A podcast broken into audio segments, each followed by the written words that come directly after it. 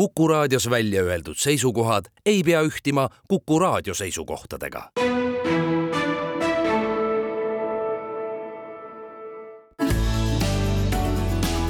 keskpäevatund. täna jälle me joome bensiini, täna jälle mul voolik on suus, täna jälle kanister käib ringi, täna jälle A seitsekümmend kuus taas kui horisont kumab, siis kaagid. Ära lähevad, päev koidab uus. Lähen minagi, tühjad on paagid, läbi sudu bensiinimaid suus.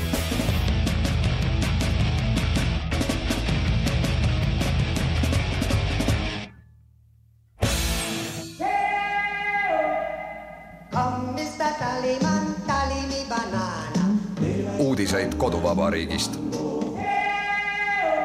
tere, siin Keskpäevatund ja Kuku raadio Tallinna stuudios Viktoria Ladõnskaja, Ainar Ruussaar ja Priit Hõbemägi. ja kuulsime ansambli Vennaskond lugu. Täna jälle me joome bensiini, me selle lauluga tervitame Riigikogu liiget EKRE fraktsioonist Kalle Grünthali, kes on nii Riigikogu kuluhüvitiste kulutamise osas saavutanud märkimisväärseid tulemusi kui ka saanud hakkama selliste asjadega, mida on sellistel nii-öelda tavaliste füüsikareeglite järgi keeruline seletada. näiteks kirjutas sellel nädalal Äripäev, et Grünthal on viieminutilise vahega tankinud oma autosse nii bensiini kui diislikütust, mis ei peaks lihtsalt füüsikareeglite järgi ei peaks olema võimalik, et auto sõidab mõlema kütusega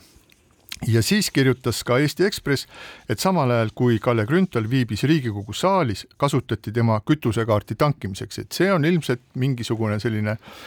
kehast väljumise selline trikk, mida väga vähesed meie, meie hulgast valdavad, aga kõik see on tekitanud sellist põnevust, et koguni siis Keskkriminaal Äh,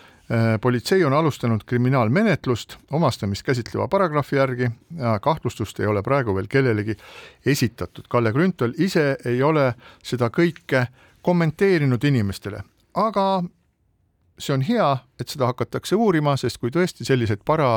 parafüüsikalised nähtused on äh, toimumas Riigikogus, siis nende osas tuleks saada selgusele, aga selle kõige taga on kindlasti siis selline suurem teema mis regulaarse järjekindlusega Eesti ühiskonna vahtu lööb ja see on riigikogulaste kuluhüvitised, nimelt on siis äh, kuue kuuga riigikogulaste kuluhüvitistele kulunud pool miljonit eurot ja see tavaliselt vähemasti ajakirjanduses tekitab väga-väga suure vastukaja. ütlen siia vahele veel nii palju, et äh, EKRE mm, juhtpoliitikud, EKRE siis, kuhu Kalle Grünthal kuulub, on ähm, kommenteerinud niimoodi, et äh, miks ajakirjandus Kalle Grünthalit ründab, on eesmärk viia tähelepanu Kaja Kallaselt eemale. mina julgen küll väita, et nii palju kui Kaja Kallast on analüüsitud ja kritiseeritud viimase poole aasta jooksul Eesti ajakirjanduses, neid poliitikuid väga palju ei ole Eesti lähiajal. võiks öelda ka nii, et, et EKRE on ajakirjandust nii hästi manipuleerinud, et tähelepanu eemale juhtimiseks Kalle Grünthalilt on nad lasknud ajakirjandusel tervelt poolteist kuud materdada Kaja Kallast nii, aga teema on tegelikult suur ja teema on seotud sellega, et kuidas üldse meil on koordineeritud riigikogulaste töö, et äh, ühest küljest, äh, kui me vaatame seda teemat üldisemalt, siis on olemas selline kollane raamat, ehk siis äh, kodu- ja töökorra seadus, mille järgi siis toimib riigikogulaste töö ja mille osas tavaliselt esitatakse küsimusi siis, kui sa vaatad seda süsteemi väljaspoolt, ehk siis, et miks on olemas seesama vaba nädal näiteks, et teistel inimestel ei ole, aga vot et riigikogulastel justkui on vaja kindlasti töötada kolm nädalat ja siis äh, saada seda vaba nädalat. Äh, või siis veel mingisugused konkreetsed kellaajad, et kuidas äh, see, see töö on, on korraldatud siis, kui sa satud sinna, siis sa saad aru, et tegelikult see süsteem,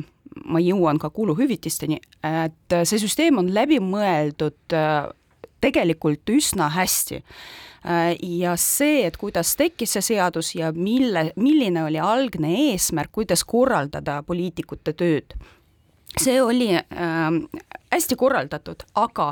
see raamat annab võimalust äh, äh, kasutades kõike neid, kõiki neid variante, mis sul laual on, nii positiivselt kui ka negatiivselt, ehk siis sisuliselt, kui sa tahad panustada, siis selleks äh, see seadus annab sulle suurepäraseid võimalusi. aga kui sa tegelikult tahad vabal nädalal kuskil ära käia või siis päriselt puhata, täpselt samamoodi see seadus nagu annab sulle ka selleks võimalusi. nüüd siis, mis puudutab puudutab kõiki neid kuluhüvitisi, siis tegelikult see on eraldi äh, lisaks tulnud äh,, see on hiljem tekkinud süsteem ja selle süsteemi äh, seletus, et miks see on üldse tekkinud on seotud sellega, et tegelikult on olemas reaalsed põhjused, miks äh, Äh, riigikogul võiks äh, vajadust tunda teatud lisasummade osas, et näiteks sa oled Põlvamaa esindaja parlamendis, sul on reaalselt vaja näiteks üürida korterit või siis käia suhteliselt tihti ka seal oma piirkonnas ja selleks sul on vaja lisaks äh, teatud summasid. See on põhjendatud. teine asi on see, et jällegi nagu ka töökorraseaduse puhul on siin ka üsna suur see vabadus, ehk siis sind kontrollitakse nii palju, kui ajakirjanik või ajakirjandus jälgib. aga see süsteem ise, äh, ta on küll reglementeeritud, mille jaoks sa võid seda raha kasutada, mille jaoks sa ei või seda raha kasutada, aga siiski äh, ta on paindlik ja see tähendab, et sellised asjad võivad tulla, nagu praegu tuli välja, mida ma kindlasti heaks ei kiida, sest et noh, see sõltub konkreetsest poliitikust lõppkokkuvõttes, kuidas ta kasutab seda raha äh, siiski äh, loodan, et enamik äh, meie poliitikutest kasutab seda töö eesmärgil, aga siiski jah, aeg-ajalt ja eriti kusjuures siis, kui tuleb uus koosseis, et see teema muutub. ja meil on äh, praegu uus koosseis, eks ole, just. Nojah, minule on natuke arusaamatuks jäänud, et kuidas see kuluhüvitiste ja noh, näiteks bensiinikompensatsiooni kontrollimine sealt parlamendi seestpoolt ikkagi nagu toimub, ma arvan, et tegelikult kui äh, on valitud rahvaesindaja, siis kõige suurem kontrollija on tema ise, sest ta on kõige suurem eeskuju, vähemalt ideaalis. ta on, need sada üks inimest on tegelikult need, keda rahvas on sinna valinud ja kes peavad tegelikult näitama oma tegudega ja ka oma sõnadega, et äh, nii on õige või nii on äh, vale sa oskad ikka väga ilus, väga, väga ilusasti öelda. aga jah, kõik on, kõik, kõik on ise inimesed, et ma ei usu, et sellist äh, totaalset kontrolli nagu ilmselt paljudes eraettevõtetes siiski on, kui mm, noh, töötajatele on antud äh, näiteks äh, bensiinikaart siis noh, minu teada noh, Riigikogu liikmel ametlikku puhkust ei ole, eks, aga aga siis minu teada näiteks puhkuse ajal ikkagi väga selgelt vaadatakse, et keegi ei kasuta seda ettevõtte bensiinikaarti siis, kui ta on ametlikult puhkusel. no ja siin puhkust esiteks ei ole, teiseks, et see süsteem, ma mäletan, ma lugesin äh, riigireformi eestvedajate puhul koostatud paberit, kus oli ka nagu üks ettepanek, et äh, peaks loobuma sellest süsteemist. Ja toona ma ka nagu natukene vaidlesin selle vastu, sest et mis on see alternatiiv, et vaatame, et mis on see alternatiiv, alternatiiv, et äh, kas siis lihtsalt palk ja siis ei ole seda lisa nii, nii-öelda ja kolmkümmend protsenti palgast, mil, kusjuures, mis on seal sees, seal on sees äh, bensiin või, või kütus äh,, autoliisingu osa, äh, seal on sees ka telefoniarve, seal on sees ka näiteks, kui sul on vaja tõlkida midagi, ehk siis tõlketöö, äh, seal on välisvisiitide kulu, seal on tegelikult üsna palju sellised noh, valijatega kohtumine, see, mida ühed kasutavad, teised ei kasuta, aga ühesõnaga see süsteem tegelikult, kui niimoodi jällegi vaadata, ta on mõeldud läbi just töö eesmärgide tarbeks. teine asi jah, see trikitamine, mis on paratamatult äh, ilmselt teatud inimeste juures kuidagi äh, nagu arenenud ja, ja., ja siis nad äh, seda selleks kasutavad. aga ähm, noh, see alternatiiv, et lihtsalt näiteks panna suuremaks riigikogulaste või, või, või suurendada nende palganumbrit ja siis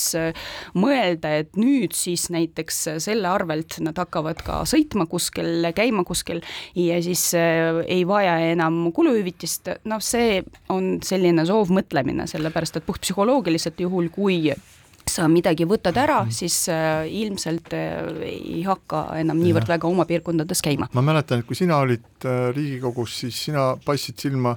sellega, et sinu kuluhüvitised olid ühed väiksemad seal, olen no, ma arvan, et võib-olla keskmised, aga noh, lihtsalt tõepoolest ma jälgisin, et äh, mis on need reeglid ja mida tohib, mida ei tohi ja mis on õigustatud, see kindlasti on seotud ka sellega, et mis nagu sa sees, nagu kuidas sa sees seda tajud. mis ma nagu, noh, ma tõesti arvan, et siis, kui on äh, Põlvamaa, Ida-Viru või, või Lääne-Pirkond, kus, kuskilt väljaspoolt Tallinnat tulnud inimene, et siis kindlasti ta peaks äh, hästi palju seal kohapeal käima, sellest äh, sõltub tema töö kvaliteet. nii et äh, aga kuidas seda jälgida, nagu sina praegusel hetkel pakkusid, et reglementeerida täpsemalt, ehk siin me kõik ju oleme täiskasvanud inimesed lõppkokkuvõttes. seda ei olegi võimalik mm -hmm. täpsemalt reglementeerida ja, ja noh, ma olen, ma olen nõus selles mõttes, et ilmselt see kuluhüvitis aitab rohkem kaasa nagu sa ütlesid, väljaspool Tallinnat valitud inimeste oma seal piirkonnas käimisele. et palga eest võib-olla nad ei käiks nii palju ja see on, see on igati põhjendatud, aga nüüd, nüüd täpselt äh, täpselt jälgida, kes kuhu sõidab, kellega kohtub, mida sööb ja mida joob, see ongi väga keeruline. see ongi keeruline. ja, ja ei peagi võib-olla olema. aga see tegelikult on juba süsteemi sees, et siis, kui noh, no mitte päris võib-olla nii täpselt, et, et siis sa jälgid seda lõpp sihtpunkti, aga tegelikult see on kõik jälgitav, vähemalt siis, kui sa tood neid tšekke no, juhul kui see on tšeki, tšekiga tehtud või arvega tehtud mm -hmm. mingisugune asi, siis seal on ju kõik ära seletatud, kust kohast ajakirjandus üldse saab seda informatsiooni. nii et siis, kui sa tood midagi sinna raamatupidaja kätte, siis sa arvestad sellega, et sa võiks ka pakkuda huviajakirjandust. ja seal on mitu aspekti, üks on see, et taoliste väga kiiresti muutuvate ja väikeste kulude haldamiseks peab olema kas selline tõesti nagu eeskujulik arvutisüsteem, mis suudab kõike seal ise kokku lüüa või mingi tehis, tehisintelligent, kes seda teeb, või siis on see halduskoormus üsna suur ja see toob omakorda kaasa kulud, nii et eh, kuigi tavaliselt seda kuluhüvitisi avalikkuses sellele vaadatakse pigem nii, et eh, et äh, nii palju kulutada ei tohiks ja osa inimesi arvab, et see kuluhüvitised võiks siis lülitada siis ähm, sellise üld, üldise palgasumma sisse, siis tegelikult nende kuluhüvitiste, ükskõik kui suure, suur see kulutamine seal ei ole, positiivne pool on see, et ajakirjandusel on võimalik siis näpuga joont ajada, et selgelt tšekkide järgi võtta välja mingi inimene ja vaadata, mida ta on teinud, et nagu me näeme, siis nendest tšekkidest on nähtav ka see, et kus kohas ja millal võeti kaardiga bensiini, ehk kui Kalle Grünthal istub samal ajal Riigikogu saalis ja vajutab nuppu ja samal ajal tema kaardiga võetakse kuskil kütust või et on võetud kütust erinevat äh, siis mm, bensiini ja diislit, et äh, ajakirjandus tegeleb sellega umbes kaks korda aastas regulaarselt, äh, koostavad neid tabeleid, nii et selles mõttes on meil kogu aeg silmad ees, mida inimesed teevad, kui nüüd selli-, kuluhüvitised sellisel kujul ära kaoksid, siis me jääksime tõenäoliselt mingis mõttes pimedasse, sellepärast et sellist eraldi kulu osa enam ei oleks, mida saab kontrollida ja kui keegi küsib, et aga miks üldse peaks ajakirjanikel olema võimalus, siis ähm, neid äh, dokumente kontrollida või läbi vaadata, siis põhjendus on väga lihtne, et Riigikogu on äh, Eesti rahva esindajad, nad äh, saavad palka terve riigi ettevõtete ja inimeste käest, ehk et kõik, mis on siis äh, maksurahadest tehtud, et see peab olema avalikult äh, kättesaadav ja arusaadav, kuidas neid äh, kulusid siis tehakse. Ja selles mõttes noh, ma pean ütlema, et vähehaaval hakkab minu positsioon selles, et see on üks igavene jama, hakkab kergelt nagu muutuma, et ma saan aru, et see on oluline, oluline asi, mida, mida, mida uurida, kus saab andmeid ja võib-olla ka siis pidev ma ei tea, häbistamine ja, ja vähekulutajate kiitmeid, võib-olla see ühel päeval annab ka mingi, mingisugust tulemust. nojah, just äh, ajakirjanduse lemmikteema on ka katuserahad, eks ole, mida, mida ka jagatakse, aga aga ma siin olen Priidu ja Viktoriaga selles mõttes nõus, et kui äh, peaks muutuma süsteem, ehk siis äh, need äh, nii-öelda kuluhüvitised kuidagi lisada Riigikogu liikme põhipalga numbrisse ja mitte eraldi makstavad, siis seesama, millele Priit, sina viitasid, ajakirjanduslik kontroll kaob ära, sest et ajakirjandusel ei ole õigust ja ei pea ka olema võimalust kontrollida, mida ma oma palgaga teen ja ma arvan, et siin veel lisab äh, ka seesama psühholoogiline, ma ei tea, mingisugune nüanss, et siis, kui see on sinu palganumbri sees, siis esimest pool aastat sa mäletad, et tegelikult seal on ka sees kuluhüvitised, aga siis hiljem ja eriti järgmine koosseis enam ei mäleta ja muidugi ta võtab seda puhtpsühholoogiliselt oma palgana ja siis ei hakka näiteks tegema midagi, mille jaoks see kuluhüvitist ongi mõeldud välja. nii et ja mina olen, Priit, absoluutselt sinuga päri, et tõepoolest see süsteem süsteem praegusel hetkel just niimoodi toimib, et ta on piisavalt läbipaistev, iga poole aasta tagant ajakirjandus äh, võtab välja neid äh, numbreid, vaatab üle ja siis äh, inimesel, kes on seal palgal, tal on võimalik tegelikult ja meil tulevad ka need nii-öelda hoiatused, et vot varsti võetakse välja, vaadake üle, on ja. olemas ka võimalus tagastada mingisuguseid summasid, et kuskil läks lappama, et tagastada. et noh, see, see süsteem tegelikult piisavalt paindlik ja tõesti sõltub sellest, et mida üks poliitik võib endale lubada ja siis, kui ajakirjanik esitab küsimusi, siis äh, poliitikul on võimalus vastata küsimustele. ma arvan, et on küll olnud kasu sellest, et neid teemasid kajastatakse, kui me mäletame siin aastate tagust äh, ühte kurikuulsat majoneesi skandaali riigi, riigikogu, riigikogu liikme kuluhüvitiste osas või siis hilisemaid ka, ka väga soliidsete Riigikogu liikmetega seotud, küll keegi, keegi sööb äh, öösel viis pitsat või, või toob mingisuguse kummalise toiduarve, et noh, ma ei usu, et soliidsed inimesed tegelikult tahavad selliste tühiste asjadega, mis on mingisugune äh, paarikümne või, või sajakonna euro suurune selline kummaline öine arve sattuda siis ajakirjanduse hammaste vahele ja, ja ma usun, et siin mingisugune selline pedagoogiline osa on, aga üks asi, millest ma ei saa päris hästi aru, et aga mis mulle nagu tundub, et, et kui tekib, kui valitakse uus Riigikogu koosseis,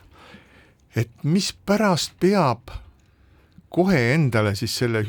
uue auto liisima selle hüvitisest. Ja ma, ja ma päriselt ei saa aru, kas need inimesed sõitsid enne jalgrattaga või kastirattaga või hobusega või mida. ja nüüd nad said Riigikokku ja nüüd on kohe vaja automaatselt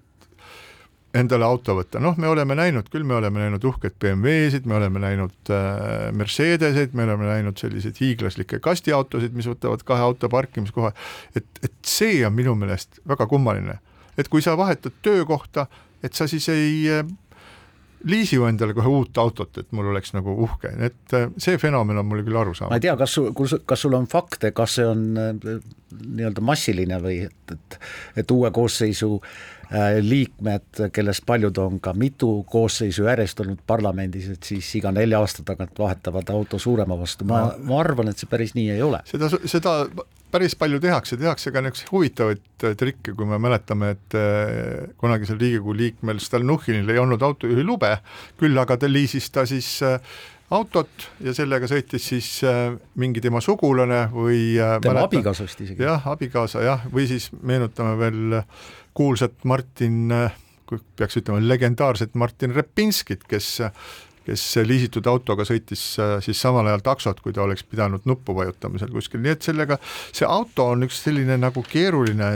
asi seal, et ma, minu meelest oleks nagu lihtsam ja selgem, kui, kui selle kuluhüvitise sees ei, ei oleks autoliisingut? ta on praegusel hetkel piiratud, et sa ei saa kogu seda summat äh, tagasi, aga mulle veel tuli meelde see, et äh, üsna tihti juhtub ka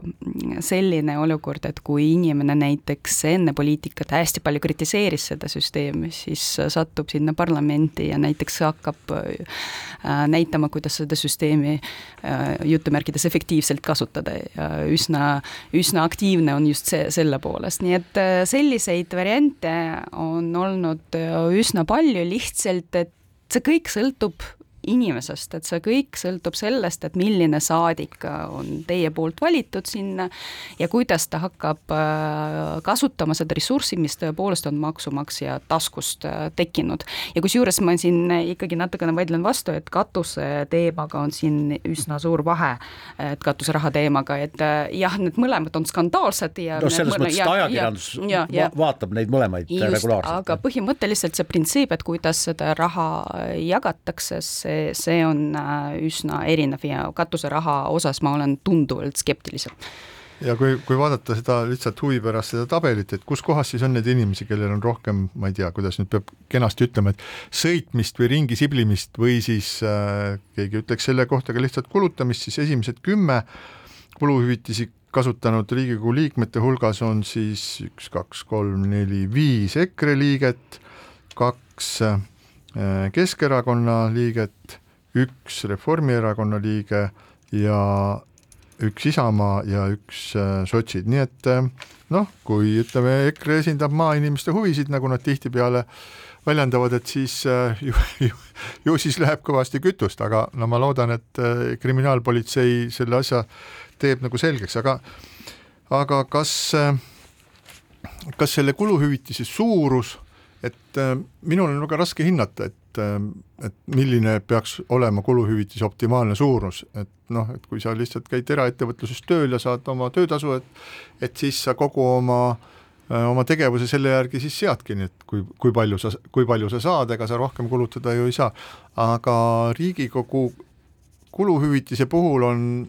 jääb nagu arusaamatuks, et, et kuidas on välja arvutatud selle suurus või kuskohast see lagi nagu üldse tekib?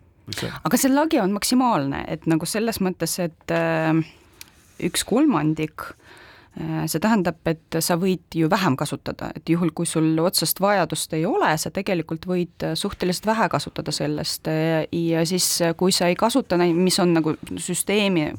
huvitav nüanss on see, et kui sa ühe kuu jooksul ei kasuta ära seda summat, siis see nagu läheb edasi. ehk siis tegelikult, et äh, võib ka nagu kahe-kolme kuu pärast tekkida tunduvalt suurem summa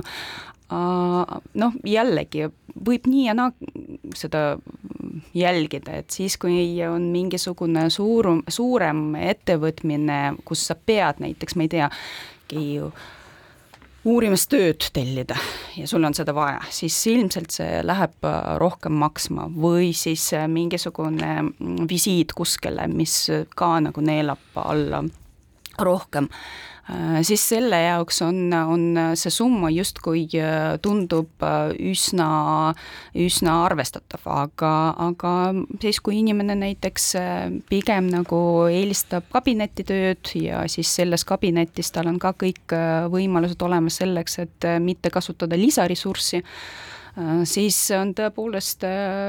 see küsimus, et miks sa seda hmm. võtad, on, on objektiivne. jah, ühte asja ma ei äh ei tea, et kas äh,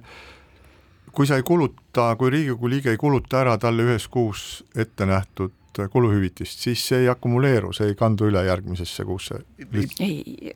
kandub, kandub, kandub jah, jah., kandub jah. kandub küll, et tegelikult sa saad,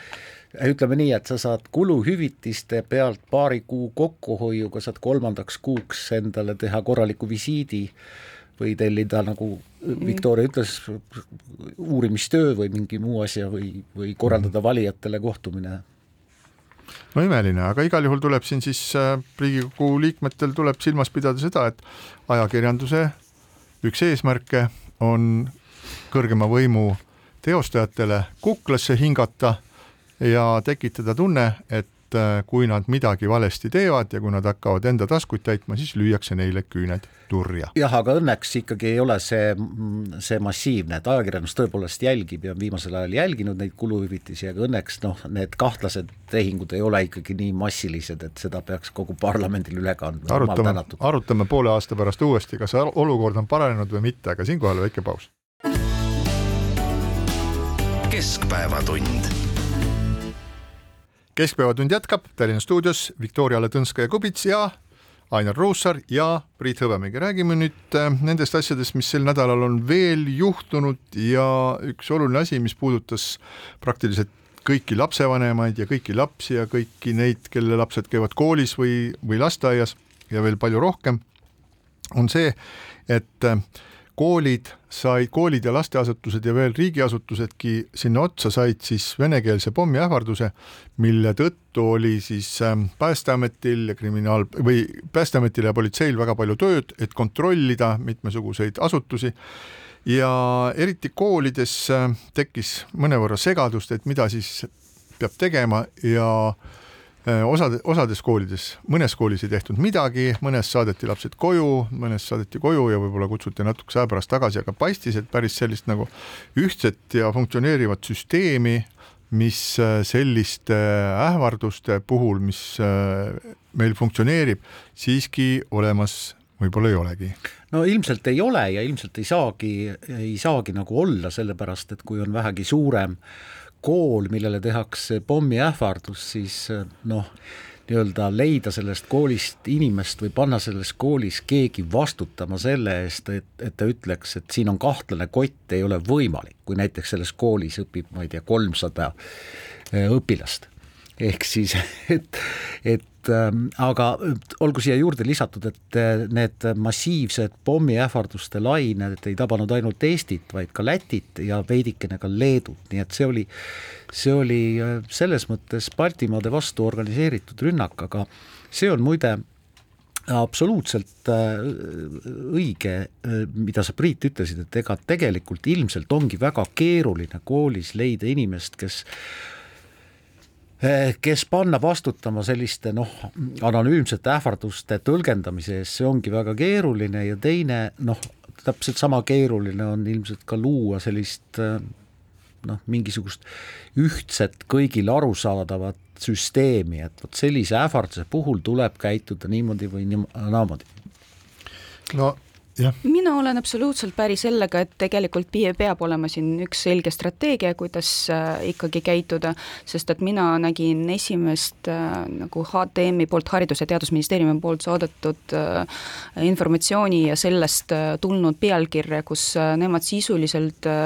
no tunnistasid, et nad ei vastuta kuidagi või et nemad ei anna käske sulgeda koole. ja siis äh, siit ma nagu järeldan seda, et justkui meie ei vastuta, te ise peate koha peal otsustama, mida te teete. see ei ole päris see sõnum, mida ma nagu antud juhul äh, tahaks, ma ikkagi tahaks, et kuna noh, maailmakord on selline, nagu ta on, julgeolekuolukord on ka selline, nagu ta on, siis peaks läbi mõtlema ka selliseid olukordi, juhul kui. ja, ja siis äh, selle puhul siis, mis, äh, mis plaan käivitub, et mis on see signaal, mis nagu HTM-i poolt tuleb või siis KOV tasemel, et mingisugused konkreetsed plaanid või konkreetsed, konkreetsed skeemid, mille alusel hakkab kool käituma. aga hoopis teine teema, ma ei tea, nagu minu arust on see nagu oluline, oluline ka markeerida ära, et me, ma olen üsna mures meie järgmise põlvkonna pärast, sest et see ajastu, millal nad elavad, on, on väga traagiline, et see on ärevust täis.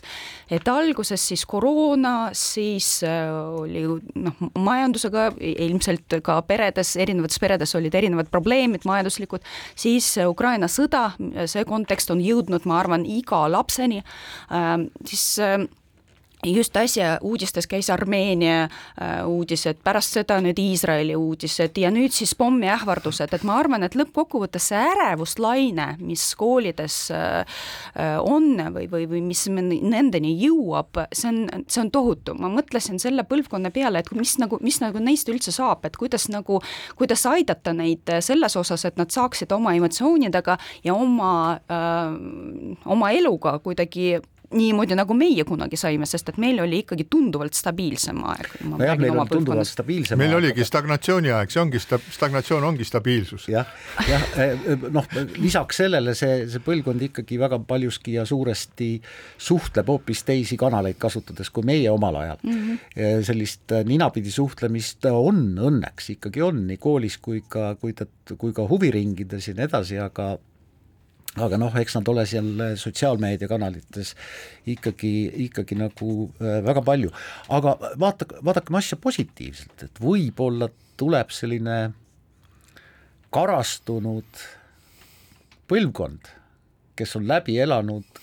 ma ei tea, viimase viie aasta jooksul väga palju kriise, kas kaudselt või ka otseselt, noh, pandeemiast rääkides yeah. või majandusest.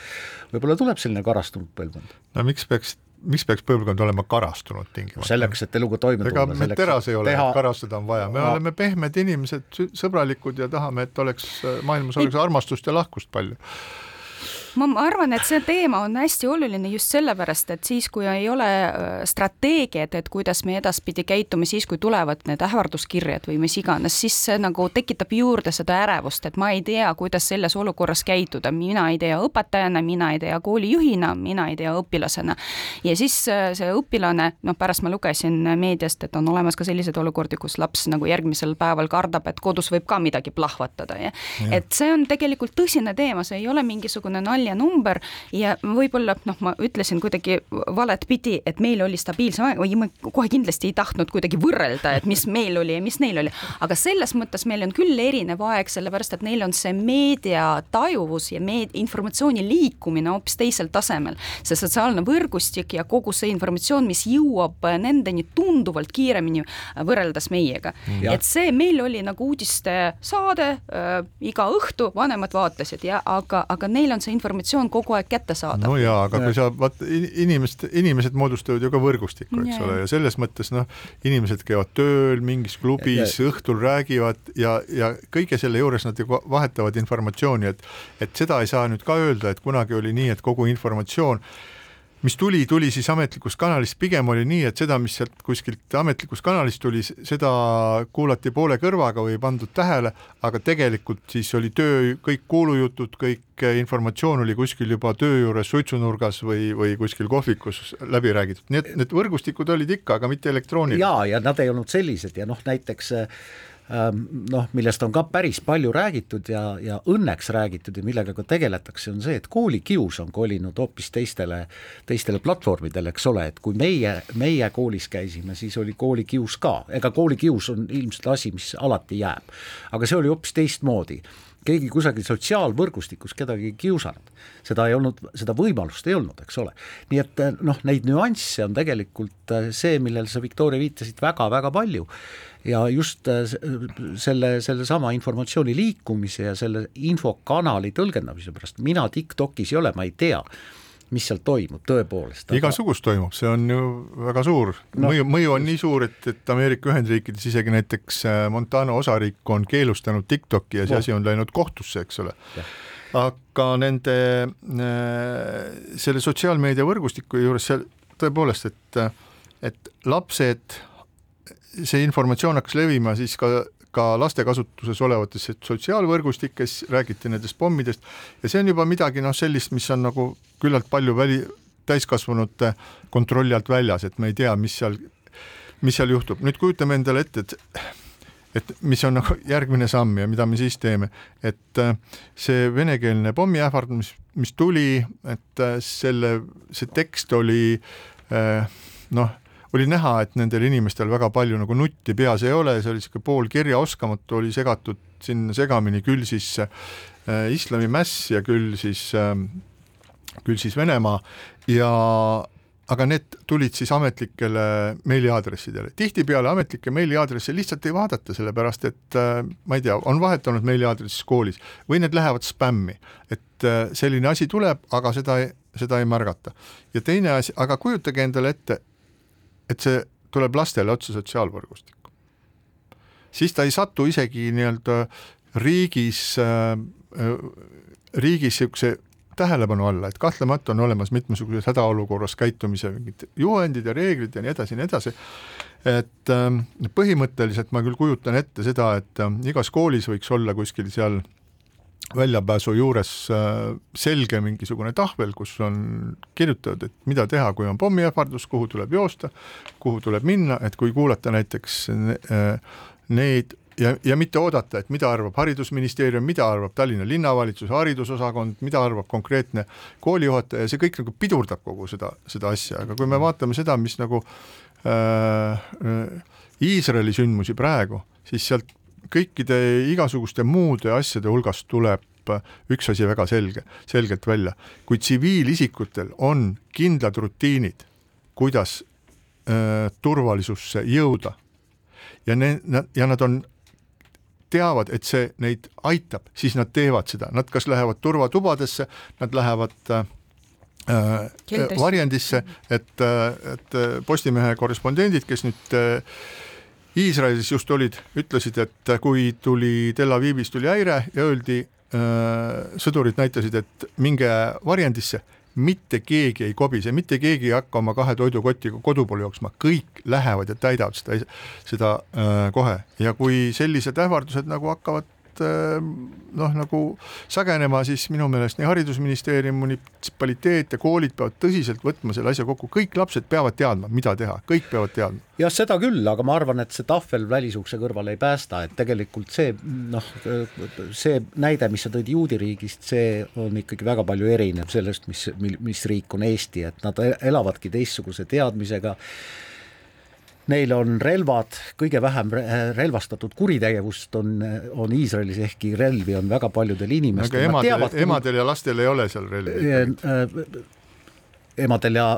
lastel muidugi ei ole relvi, jah. jah, relvastatud. aga, aga naistel on relvad väga paljudel naistel on relvad ja naistel on ka sõjaväekohustus, aga Iisraelis tõepoolest inimesed teavad, mida teha siis, kui on jama üldiselt oleme me Iisraeliga sarnased äh, selles mõttes, et mõlemal on kõrval äh, suur ja kiuslik naaber, ühel üks ja teisel, äh, teisel on rohkem, nii et selles mõttes ei ole üldse halb, kui me oleme igasugusteks vastikuteks olukordadeks valmis. Ja siinkohal väike paus. keskpäevatund ja Keskpäevatund jätkab, stuudios on Viktoria Ladõnskaja-Kubits, Ainar Ruussaar ja Priit Hõbemägi. Räägime nüüd äh, sellest, mis on juhtunud vee all, kuigi ausalt öeldes ega me ju sinna ei näe ja väga palju ei tea ka ja üleliia palju informatsiooni ei ole, aga sel nädalal juhtus selline asi, et viga on saanud Eesti-Soome vaheline äh, gaasitoru ja samuti on siis vigastada saanud ähm, Elisale kuuluv üks varukaabel, need, äh, need katkemise kohad või viga, vigastuse kohad on erinevates kohtades. gaasitoru vigastus on Soome majandusvööndis, ähm, sidekaabli vigastus on Eesti majandusvööndis, nii et siis uurivad seda erinevatest riikidest erinevad äh, organisatsioonid. on õhku visatud ka neid kahtlusi, et ähm, gaasitoru sabotaažis kahtlustatakse Venemaad, Venemaa loomulikult on selle üleolevalt tagasi lükanud, aga mis seal siis päriselt mere all toimus, et seda kõiki praegu ju uuritakse, et sellist tohutut lõhkamist, nagu siis toimus Nord Stream ühe ja Nord Stream kahe puhul, mille ümber tänase päevani liiguvad äh, metsikud vandenõuteooriad, aga täpselt keegi ikkagi midagi ei tea, aga neid kahte juhtumit üh-, üh-, ühendab siis see, et äh, Äh, nendes kohtades, kus äh, torujuhtmetega midagi juhtub, nähakse tavaliselt äh, veidi aega enne seda mingeid spetsiifilisi Venemaale kuuluvaid uurimislaevu, mille kohta öeldakse, et nad tegelikult kuuluvad hoopis sõjaväele, millel on siis võimekus tegutseda vee all, võimekus lõhkuda kaableid, lõhkuda mingisuguseid muid asju, paigat-, paig-, paigutada lõhkeaineid ja nii edasi. Ja sellised laevad on tõepoolest siis ka äh, Eesti ja Soome vahelistes vetes olnud ja väidetavalt ka siis nende kohtade peal, kust äh, need äh, kommunikatsioonid läbi jooksevad. nojah, äh, siin tulebki kasutada sõna väidetavalt, kõik on öelnud, eks ole, et tegemine, tegemist on ilmselt noh, pahatahtliku gaasitoru lõhkumisega ja kaabli lõhkumisega, et tegemist ei olnud mingisuguse juhusega, seda on kõik merenduseksperdid öelnud, et noh, ükski laev ei sõida mööda Soome lahte niimoodi, et kuuekümne meetri sügavusel äh, lohiseb ankur järgi, ankur järgi, et noh, miks ta peaks seda üldse tegema ja, ja ankru ankrukett vist ka ei ole nii, nii pikk, et kuuskümmend meetrit äh, see järgi lohiseks. aga noh, jah, viiteid Venemaale on tulnud siit ja sealt ja ka poliitikute hulgast, aga äh, ma kardan, et tõestada, et, et see on Venemaa poolt organiseeritud äh, rünnak äh, inf-, infrastruktuurile, rahvusvahelisele infrastruktuurile, et see saab olema hästi keeruline, aga tõepoolest, Priit, sa korra juba viitasid, Venemaa president Vladimir Putin isegi võttis sel teemal sõna ja ütles, et et arvatavasti toimus seal maavärin. Noh, mis, mis iseenesest on juba noh, väike viide sellele, et et küll te siin veel näete meie, meiega vaeva aga tegelikult sellise strateegilise infrastruktuuri haavatavad kohad tuleks nagu üle vaadata, muidugi on see kallis ja torujuhtmele ei saa panna andureid ju iga, ma ei tea, kümne või viiekümne meetri peale, aga saab, aga kallis. kallis jah, see on kallis, see on kohutavalt kallis, see on kallim kui see torujuhe, juhe ise, eks ole, ja torujuhe on noh, tunduvalt odavam energiatranspordiviis kui noh, näiteks elektrikaabel aga, aga ma hakkasin mõtlema, et mis saab näiteks siis, kui, kui rünnatakse sellist infrastruktuuri, et näiteks ei saa enam pangakaardiga maksta või pangaautomaadist raha kätte paar päeva, et noh, kujutage ette, milline kaos see on. Et, et tegelikult ma arvan, et kõik pangad on väga hästi selleks valmistunud ja midagi säärast ei toimu, aga tegelikult neid, lisaks torujuhtmetele neid äh, infrastruktuure, mille haavamise korral võib see tähendada väga paljude inimeste jaoks väga suuri probleeme, on ikka väga palju. Need on elutäht-, neid nimetatakse elutähtsateks ettevõteteks, sinna kuulub siis kütusega varustamine, sinna kuuluvad pangad, sinna kuuluvad veel valitsusasutused ja nii edasi ja nii edasi, et tegelikult äh, nii palju, kui mina tean, et sellised elutähtsa teenuse esitajad, nad on kõik spetsiaalse nii-öelda riikliku äh, valve all, ehk et ähm, Eesti Vabariik siis maksumaksjate rahast äh, kindlustab nii palju kui vähegi võimalik siis seda, et äh, võtta maha mitmesuguseid surveid või rünnakuid ja nii edasi ja nii edasi, et selles mõttes on ja ja see annab sellise turvalise tunde selles mõttes, et, et ettevõtlus, vähemasti üks osa sellest ei ole nii-öelda üksi selles maailmas, et äh, on asju, mis, äh, mis on meile igapäevaseks toimimiseks vajalikud, et mäletame seda eelmise või üle-eelmise tormijuhtumit, kui siis selgus, et elektripuuduse tõttu kütuse Äh, tanklatest ei saa tank, ei saanud tankida ka politsei ja Päästeameti autosid ja selle tõttu Päästeamet ei jõudnud kuhugi, kuhu need pidid minema, et sealt see parandus, mis siis tehti, oli see, et tanklatel peavad olema omad generaatorid, need peavad olema töökorras ja siis selle generaatori abil tekitatud energiaga nad saavad paagist siis, nad saavad kütust pumbata. nii et iga selline asi toob jälle midagi, õpime juurde midagi. ja, ja Balticconnectori puhul on muidugi ähm, väga oluline ka see, et kuna tegemist on kahte NATO riiki ühendava torujuhtmega siis tegelikult reageeris kogu NATO ka sellele päris korralikult ja mm, seda juhtumit ei uuri mitte ainult Soome pool või ka Eesti pool, vaid tegelikult ka NATO-s moodustati eraldi töörühm selle selle asja uurimiseks ja kriitilise infrastruktuuri paremaks kaitsmiseks kõigis NATO riikides, nii et tegelikult on ka see väga oluline äh,, oluline noh, vähemalt poliitiline sõnum. just kui heidata, heita kiire pilk siis ähm, sel nädalal toi-, toimunud poliitilise populaarsuse muudatustele, siis me võime öelda seda, et Reformierakonna toetus kukkus allapoole, EKRE libises neist kröömikese mööda, aga kõige suurem selline tõusja on olnud Isamaa, kes on saanud siis äh, pärast uue esimehe valikut sellise äh, hoo sisse ja läheb hoogsalt äh, ülespoole, et ega siin seda see on faktipõhine väide, lihtsalt kui vaadata, kuidas üheksa koma kolme pealt on tõustud juba juba kuueteist koma seitsme protsendi peale, mis on ikka täiesti tõsiseltvõetav hüpe. teine faktipõhine veel, turu-uuringute uuringust, turu-uuringute aktsiaselts küsis äh, tuntud poliitikute puhul, et keda te toetaksite valitsusjuhina ja Kaja Kallas toetas kakskümmend üks protsenti ja Reinsalu Isamaa juhti kakskümmend üks protsenti see tähendab seda, et äh, tegelikult nii Urmas Reinsalust kui ka Isamaast saab äh, väga tugev, väga tugev alternatiiv praegusele valitsusele, koalitsioonile ja siis äh, ta on juba praeguseks äh, teinud endast äh, opositsiooni juhtfiguuri. et see tähendab, et nii Keskerakonna poole pealt me näeme nagu mingisugust turbulentsi kui ka EKRE osas teatud lagi ja siis Reinsalu puhul on selge see, et ta viib ja teostab seda poliitikat, et neist on saanud tugev opositsiooni esimene nägu. ja Eesti kakssada peab muidugi kõvasti midagi ette võtma, et oma reitingut parandada. jah, neil on siin küll selline nutune äh, nutune kuus koma kolm protsenti, aga kui mõelda, et neil oli vist kuskil kakskümmend või üle kahekümne ja nad on tulnud alla ikka kolm korda, see on täitsa, täitsa metsik langemine. aga eks see käib kindlasti ka kaasas sellega, kui valitsuses ollakse, need otsused, mis valitsus on teinud, äh, võiks öelda isegi, need etteteatamatud otsused, sellepärast enne valimisi me ei rääkinud maksutõusudest ega paljudest muudest asjadest, aga need justkui pärast seda, kui siis Reformierakond asus äh, riiki juhtima, siis selgus, et rahandusega on erakordselt halvasti, veel pool aastat tagasi ei äh, räägitud sellest nagu midagi, siis see ilmnes ja siis tulid ka need maksutõusud. nii et kahtlemata see poliitiline olukord, kus ka Reformierakonna toetus langeb, Isamaa tõuseb, Eesti kakssada langeb ja kogu olukord, mis hakkab toimuma, siis kõik, mis hakkab toimuma Riigikogus, kas Riigikogu töö läheb korda, kas eelarve võetakse vastu ei võeta, nii et need on asjad, millest me jõuame siin rääkida palju ja palju, aga siinkohal tänan teid kuulamast ja kohtume taas nädala pärast. keskpäevatund